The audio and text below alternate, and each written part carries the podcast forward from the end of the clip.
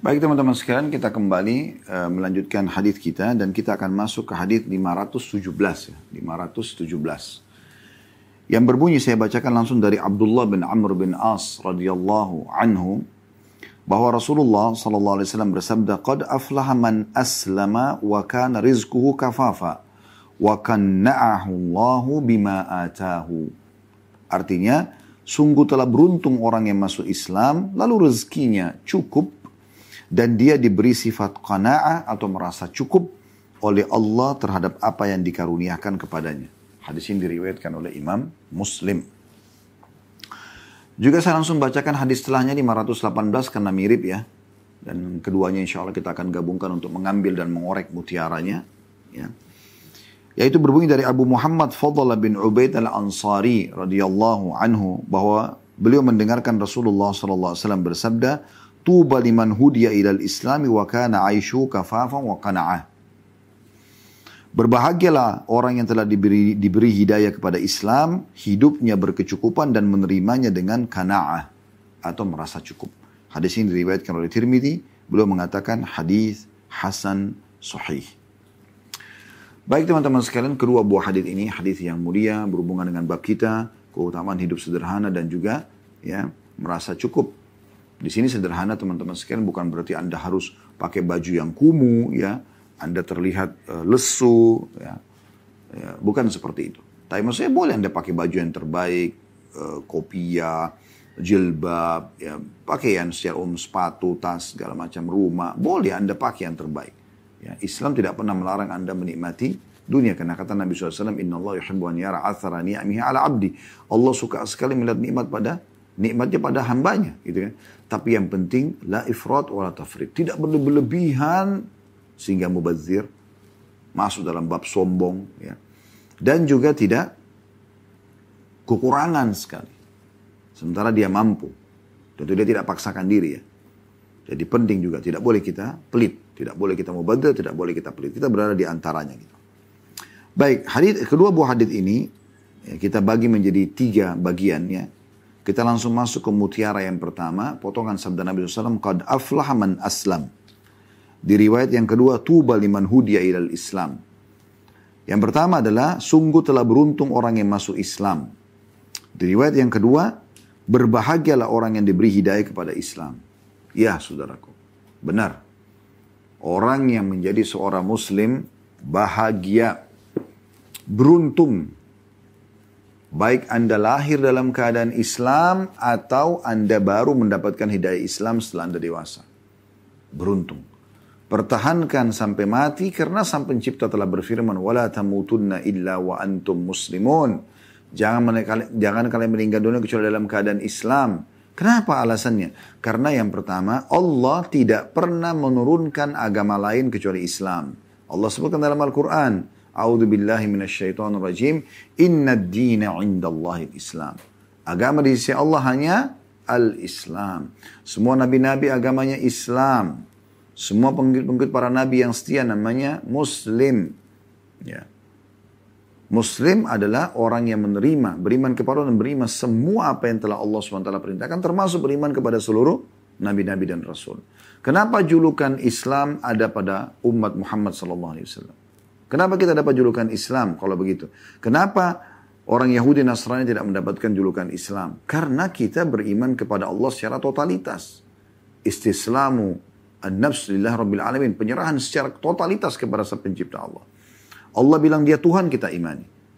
Allah suruh kita mengimani kitab-kitabnya kita imani. Allah suruh imani seluruh rasul-rasul kita imani. Rukun iman kita, iman kepada Allah, malaikat, kitab-kitab dan rasul-rasul. Kalau ada seorang muslim mengatakan Musa bukan nabi, maka dia kafir. Ada yang mengatakan Isa bukan nabi, maka dia kafir. Ya. Jadi yang lebih mengimani Musa adalah kaum muslimin daripada orang Yahudi sendiri. Yang lebih menghormati Isa alaihissalam adalah kaum muslimin dibandingkan kaum Nasrani. Karena memang kita wajib mengimani risalahnya. Tetapi kita menyempurnakannya karena totalitas beriman pada Allah pada Rasul yang terakhir yaitu Muhammad Sallallahu Alaihi Wasallam. Dengan tetap meyakini ada nabi sebelumnya bernama Musa, Isa alaihi wasallam dan ada kitab Taurat dan Injil yang turun kepada mereka. Taurat kepada Musa dan Injil kepada Isa alaihissalatu wassalam. Ini alasan pertama. Ya, karena kenapa predikat Islam ada pada kita? Karena ini. Jadi kan? Yang kedua, Allah subhanahu wa ta'ala sebutkan dalam surah Al-Ma'idah ayat 3 tentang agama yang dibawa oleh Nabi Muhammad SAW. Allah pastikan inilah, inilah agama Islam itu. Dan Allah telah sempurnakan di potongan ayat surah Al-Maidah surah nomor 5 ayat 3. A'udzu billahi minasyaitonir Al-yawma akmaltu lakum dinakum. Pada hari ini di musim haji pada saat itu di akhir hidup Nabi SAW Allah mengatakan hari ini aku sempurnakan agama kalian. Wa atmamtu alaikum ni'mati dan aku sempurnakan nikmatku pada kalian. Maksudnya nikmat keislaman itu sendiri. Karena sedang dengan Islam kalian tidak butuh lagi yang lain. Ya, cukup dengan ini. Waraditu lakumul Islam. Dan aku ridho Islam itu sebagai agama kalian. Alasan ini. Yang kedua. Makanya pernah ada orang Yahudi yang mengatakan kepada Umar bin Khattab di zaman khilafah beliau radhiyallahu anhu, ada sebuah ayat dalam kitab kalian, kalau turun pada kami kaum Yahudi, kami akan jadikan itu sebagai hari raya. Kata Umar bin Khattab, ayat yang mana hai Yahudi? Dia mengatakan, al-yawm akmaltu lakum dinakum, sampai akhir ayat. Maka kata Umar bin Khattab, demi Allah saya tahu dia turun kapan. Turun di mana kepada Nabi SAW. Dan siapa saja yang hadir. Itu kan di musim haji, di haji wada. Dan Umar bin Khattab masih ingat siapa saja yang hadir pada saat itu. Tapi Umar bin Khattab tidak menjadikan sebagai hari raya. Hanya beliau ya uh, di sini uh, riwayat ini menguatkan apa yang tadi kita katakan sebenarnya memang ini sebuah nikmat yang besar. Allah yang ridhokan kita dan orang Yahudi tahu tentang masalah itu. Orang Yahudi tahu masalah itu. Ya, jadi memang ini sebabnya. Gitu. Ada sebab-sebabnya. Baik, teman-teman sekalian. Dalam ayat yang lain, Allah mengingatkan tentang masalah Islam. Ya. Uh, Man yuridillahu uh,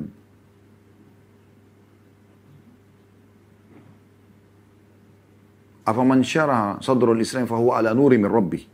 Afaman syaraha Allah sadru ala uh, afaman syaraha Allah sadru al-Islam bahwa ala nuri min rabbih. Barang siapa yang telah dilapangkan hatinya dalam Islam, maka dia berada di atas agama, dia berada di atas cahaya Tuhannya. Afaman syara Allah sadra lil islami fahuwa ala nuri min rabbih. Ya, tadi maaf saya ada sedikit keliru baca ya. Uh, juga ada ayat-ayat yang lain yang bicara tentang masalah Islam ini memiliki kemuliaan yang luar biasa gitu. Ya. Karena kalau Allah menginginkan kebaikan, Allah berikan dia petunjuk kepada Islam. Dan Nabi SAW berkata kepada sahabat Khalid bin Walid radhiyallahu anhu, tidak pantas orang yang berakal seperti Khalid bin Walid tidak menerima Islam. Kalau ada seseorang yang menyampaikan itu kepada Khalid bin Walid, lalu kemudian dia masuk Islam. Karena akal sehat harusnya berpikir gitu. Ya. Apa yang salah dari Islam? Semua yang diperintahkan dalam Islam baik. Jujur, amanah, tanggung jawab, bakti sama orang tua, jenguk orang sakit, membantu orang susah, ya. Berbuat baik bahkan bukan cuma sama muslim, sama muslim, sama orang kafir, orang muslim, sama hewan-hewan, sama tumbuh-tumbuhan. Semuanya tidak akan membuat kerusakan di muka bumi. Orang-orang muslim itu. Yang ada depan mata mereka cuma kebenaran yang dianggap benar oleh sang pencipta Allah. Mereka akan hidup dan mati untuk mempertahankan kebenaran itu. Dan memang seperti itu. Ya. Kemudian yang dilarang dalam Islam apa? Bohong, menipu, ya, menggunjing, memfitnah, memukul, mencuri, membunuh, ya, memerkosa, dan dan dan seterusnya. Semua memang yang manusia sendiri tidak suka juga. Lalu apa alasannya orang menolak Islam? Apa alasannya mereka menolak Islam? Apakah karena hanya ada pemahaman oh Islam itu teroris? Akhi, wahai saudaraku, pakai akal sehatmu. Ya. Kalau ada satu orang Nasrani atau Yahudi melakukan satu perbuatan teror, terorisme, apakah orang Yahudi dan Nasrani bersedia kalau mereka dikatakan semua Yahudi dan Nasrani teroris? Saya yakin tidak. Demikian juga kami, orang Islam. Kalau ada sikap dan perbuatan seseorang, individu muslim yang melakukan ini, maka dia pribadi. Dia bom diri misalnya, dia mengganggu, membuat kerusakan, pemberontakan terhadap pemerintahnya. Ini semua dia pribadi. Para ulama-ulama kita melarang masalah itu dan tidak boleh bolehkan. Ya. Maka tidak bisa jadi patokan itu. Oh Islam itu ajarannya keras. Terbukti pencuri dipotong tangannya. Pezina dicambuk. Atau kalau sudah menikah dirajam. Ya. Pembunuh dipenggal lehernya, dibunuh. Baik, ini orang-orang yang mengatakan ini ajaran syariat Allah ini yang mulia ini. Ya. Itu keras. Mereka nggak faham. Allah SWT mengatakan dalam Al-Quran, Walakum fil kisosi hayatun ya ulil albab. Dalam kisos itu, hukuman fisik yang terjadi pada orang yang melakukan beberapa pelanggaran. Tidak semua pelanggaran. Gitu ya. Kayak tadi pencuri dipotong tangannya, orang yang berzina dicambuk kalau beliau belum menikah, kalau sudah menikah maka dirajam. Dan orang yang membunuh dibunuh. Allah mengatakan itu ada kemakmuran kehidupan bagi kalian, hai orang-orang yang berakal. Ya ulil albab, hai orang-orang berakal. Kok bisa? Bagaimana cara memahaminya? Tentu saja. Orang yang mengatakan pencuri, pencuri dipotong tangan itu kejam, itu keras. Karena mereka belum pernah mengalami dicuri. Coba kalau seandainya dia dicuri barangnya. Sekarang Anda lagi pulang ke rumah, dia lagi ada maling dalam rumah. Ya. Kira-kira apa yang akan Anda lakukan? Bukan cuma potong tangannya, mungkin Anda akan bunuh pencuri itu. Kalau Anda punya alat di tangan Anda tuh. Anda akan melawan dia, karena hak Anda sedang diambil. Kan begitu. Nah ini Orang belum paham gitu. Dan kalau Anda bukan pencuri, kenapa Anda takut dengan ini? Orang yang takut diterapkan pemotongan tangan, dia mencuri mungkin, dia takut. Kalau tidak pencuri, kenapa Anda harus takut? Seberat apa pun hukuman, tidak ada apa yang harus kita takut? Yang kita tidak melanggar kok. Kan begitu. Sama juga orang berzina dicambuk. Supaya jangan terjadi perzinahan. Karena pernah ada sahabat masih muda datang kepada Nabi SAW mengatakan, Ya Rasulullah, saya mau siap kerjakan apa saja. Tinggal satu. Jangan, izinkan saya berzina, jangan larang saya berzina. Saya mau berzina. Enak kok biologis ganti-ganti pasangan gitu. Nabi SAW cuma bilang, kau mau nggak kalau terjadi pada ibumu? Anak muda itu berpikir, enggak tentunya. Maksudnya sebagai anak dia tahu ibunya dizinai oleh laki-laki lain. Oh nggak mau. Baik, saudarimu nggak mau, anakmu nggak mau. Terus kenapa kau kerjain kepada orang lain? Karena perempuan yang sedang kau ajak berzina itu ada ayahnya, ya, ada saudaranya, ada anaknya mungkin ya. Kalau dia janda misalnya. Apalagi kalau statusnya istri orang. Ada suaminya. Maka ini jangan. Gitu kan. Kalau dia sudah menikah dirajam. Karena dia sudah ada pasangannya. Ngapain zina gitu. Tinggal lampiaskan ke pasangannya gitu kan. Nah ini. Orang yang membunuh dibunuh. Orang yang mengatakan ini kejam. Bukankah di dunia memang ada hukum eksekusi mati? Ada. Gitu kan? Cuma Islam datang memang membatasinya. Tidak semua orang dieksekusi mati. Tapi kalau sudah membunuh, ini nggak gampang teman-teman sekalian. Banyak orang yang dicintai, yang mencintai orang yang dia bunuh itu, yang bisa balas dendam. Dan orang kalau dalam syariat Islam, kalau ada orang membunuh, maka tidak spontan ditangkap lalu dikisos, dipenggal lehernya di pinggir jalan. Bukan. Dilaporin pada pengadilan, pengadilan pelajari kasusnya. Oh ternyata memang orang ini secara sengaja melakukan segala macam. Terbukti memang dia melakukannya. Maka didatangkanlah dia, disampaikan hukumannya karena begini dan begitu. Ya, udah. Terus disampaikan juga kepada walinya orang yang dibunuh. Keluarganya orang yang dibunuh. Nih, yang membunuh suami kamu, istri kamu, anak kamu, orang tua kamu ini akan kami kisos. Pada hari Jumat di tempat ini, silakan datang. Keputusan ada tangan Anda sebagai walinya. Anda mau kisos berjalan atau dia bayar dia, dia itu dendanya. Maka nanti kisos itu, algojonya akan mengambil tiga langkah dari ya, tempat orang yang akan dikisos, atau orang yang akan dikisos, lalu sebelah kanan ada walinya orang yang dibunuh. Angkat pedang, dia langkah pertama, dia balik ke sana. Kalau mereka diam, dia melangkah langkah kedua. Dia balik lagi ke sana. Kalau dia diam, dia melangkah langkah ketiga. Kalau masih diam, dia angkat pedangnya, baru dia lihat. Kalau mereka diam, baru dipisos. Kalau di tiga langkah itu dan pada saat angkat pedang, salah satu ini, ada satu yang hadir di sana dari keluarga orang yang dibunuh itu. Mengangkat tangan, memberikan isyarat, memaafkan, maka tidak jadi kisos. Walaupun yang lain mau kisos. Jadi bukannya langsung eksekusi mati begitu saja, tidak. Tidak. Tapi karena mau dilihat sampaikan lo kepada walinya, keluarganya orang yang dibunuh itu. Nih, yang bunuh suamimu, anakmu, orang tuamu, ini nih nih, ini sekarang nih kami akan hukum nih. Ingat ya, nggak ada hubungannya sama istrinya, sama anaknya, sama suaminya, sama orang tuanya. Nggak ada hubungannya. Ini orang yang buat salah sekarang. Jadi bisa saja dalam Islam itu anak si pembunuh dan anak yang membunuh menikah. Nggak ada salahnya. Karena anak-anak nggak ada salahnya. Begitu adilnya Islam itu datang. Jadi luar biasa hukum Islam itu bukan main-main. Ya. Orang yang belum faham saja karena tidak mempelajarinya menganggap ini oh ini keras, oh ini begini dan begitu, ini tidak layak lah, apalah dan menganggap hukum-hukum manusia jauh lebih baik daripada hukum Allah. Di mana imanmu hai muslim? Ya, pelajari agamamu ini supaya faham. Ini hukum dan syariat sang pencipta Allah subhanahu wa ta'ala. Sudah gitu pun Allah masih mengatakan la ikra din, tidak ada paksaan. Walaupun sudah benar tidak ada paksaan dalam agama. Kita nggak ada dalam Islam datang ke rumah orang di sebelah tentang tentang kita non muslim. Ayo masuk Islam kalau tidak saya bunuh kamu. Gak ada dalam Islam. Tidak ada sama sekali. Mustahil. Tawarin Islam. Mau dengar Alhamdulillah. Bukan cuma itu. Ahli maksiat saja. Berzina, pembohong, penipu. Kita ingatkan. Tidak boleh. Ini haram. Dia tidak mau dengar. Ya sudah urusan dia sudah. Tidak ada kita langsung ambil pedang penggal lehernya. Dah, dah, dah. Sama sekali. Ya, di zaman Nabi SAW ada ahli maksiat diingatkan, disadarkan. Kalau kepergok buat pemerintah hukum. Nah itu iya. Dan tidak ada hukum individual, tidak ada. Maka Islam itu datang mulia sekali. Mulia sekali. Bukan salah ya sebagaimana dalam pemandangan pandangan sebagian orang. Keras lah segala macam. Kalau anda protes keras berarti anda protes sama pencipta Allah. Aneh. Mayoritas penduduk muka bumi ini itu orang beriman sama Allah loh dari tujuh setengah miliar populasi manusia, ya, mayoritasnya mungkin sekitar 6 miliar itu orang Islam, Nahudi, Nasrani, kenal Allah ini, tahu Tuhannya Allah. Protes hukumnya Allah gimana caranya?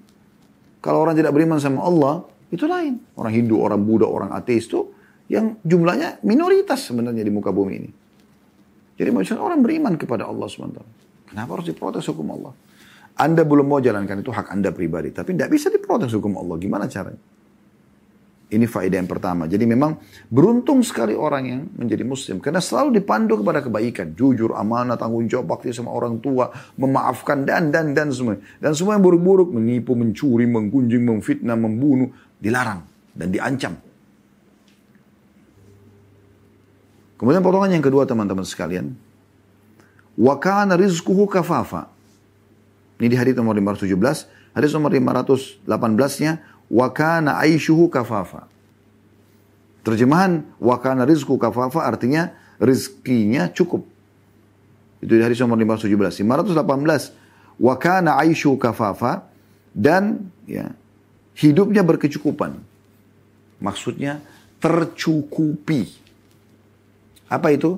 Makanannya hari itu, minumannya hari itu, kesehatannya hari itu, tempat tinggalnya hari itu, hari itu saja. Kan saya sudah bilang tadi di pembukaan pembicaraan kita, materi kita. Hanya sampai mati. Ajal selesai. Berhenti semua tugas kita. Gitu kan. Berarti harusnya cukup. Kalau hanya untuk hari itu. Dan subhanallah, mungkin kita bisa rasakan semuanya. Berapa sih kebutuhan kita makan? satu kali makan misalnya sarapan, makan siang, makan malam. Kalaupun ada orang makan tiga kali, kalau saya makan biasanya cuma sehari dua kali, itu sudah kenyang luar biasa gitu, masya Allah. Alhamdulillah. Cuma orang makan masya Allah tiga kali, sarapan, makan siang, makan malam. Berapa banyak kita makan? Sepiring, udah kenyang. Dua piring, oh belum biasa. Kalau orang sudah tiga piring, lima piring, ini mungkin tidak baca Bismillah ini. Sudah setan yang ikut makan gitu. Ya. Nah, orang makan dua piring sudah cukup banyak isinya bisa. Ada nasi, ada uh, sayuran, ada lauknya. Cukup. Satu piring aja cukup. Makan tiga kali sehari, cukup. Itu berapa? Anggaplah satu porsi misalnya 20 ribu rupiah. Berarti kita cuma butuh 60 ribu rupiah. Tidak banyak gitu. Nah itu Islam ajarkan kepada penganutnya. Kafaf. Cukup itu. Bersyukur. Kita cukupkan. Itu sudah sebuah nikmat yang luas. Sudah muslim, kebutuhan hariannya terpenuhi. Walaupun pas-pasan, tidak masalah. Ingat, supaya selalu bersyukur, jangan selalu lihat orang yang di atas, lihat orang yang di bawah kita. Nikmat yang sedang ada apa? Nikmat itu. Jangan bayangkan nikmat yang lain. Anda lagi makan nasi sama tempe sama sambal. Nikmati ini. Jangan bayangkan ayam goreng, kambing bakar, iga bakar. Nanti jadi gak enak ini. Udah nikmati aja makan. Bismillah. Yang ada adalah Alhamdulillah. Nah ini yang kedua. Jadi rizkuhu kafaf. Atau mencukupi dia. Yang ketiga, yang terakhir penutupan juga bahasan kita adalah wa kanna'ahu Allah bima atahu. Di hadis nomor 517. Artinya dan Allah ya berikan kepada dia sifat kana'ah, merasa cukup terhadap apa yang Allah berikan kepadanya. Di riwayat 518 wa kana'ah dan dia memiliki sifat kana'ah. Karena itu merasa alhamdulillah Alhamdulillah. Selalu ada orang begitu Masya Allah. Pakai baju itu walaupun berulang-ulang Alhamdulillah. Selalu dia syukuri saja. Nah itu karena namanya. Selalu sangka baik kepada Allah Subhanahu wa taala teman-teman sekalian. Inilah rezeki saya. Alhamdulillah. Kalau kita mengikuti hawa nafsu kita luar biasa. Gak akan selesai-selesai. Tapi kalau kita mau menilai nikmat Allah yang melimpah kepada kita beda. Pasti beda. Kita merasa cukup. Jadi selalu merasa cukup teman-teman sekalian. Alhamdulillah. Dan saya sudah bahasakan tadi, kalau Anda mau merasa cukup ini dan bersyukur, ya punya sifat kana'ah dan syukur, maka Anda jangan lihat orang yang di atas. Jangan bayangkan nikmat yang lebih besar. Tapi yang ada sekarang, Alhamdulillah nikmati. Toh juga kebanyakan itu kemasan. Ya, saya sering sampaikan di pengajian kami yang lalu. Eh, saya ingatkan kembali, kalau ada orang makan misalnya, di piring emas sama di daun. Bedanya apa? Kemasan. Kemasan kan. Ada orang tidur di emperan jalan, sama orang tidur di atas ranjang yang harganya ratusan juta. Kemasan. Tujuannya apa? Tidur. Kalau yang tadi tujuannya makan. Kan gitu. Ada orang pakai baju, kemampuan dia 50 ribu baju kemeja misalnya. Ada orang yang mampu beli 30 juta, 50 juta kemeja saja. Bedanya kemasan, dua-duanya sama tutupi badan. Tentu kalau orang lagi ada nikmat melimpah pada dia, boleh dia nikmati, tapi jangan mubadir tadi kita katakan. Tapi jangan paksakan diri teman-teman sekalian. Merasa gengsi kalau pakai baju yang murah tidak bermerek. Kenapa?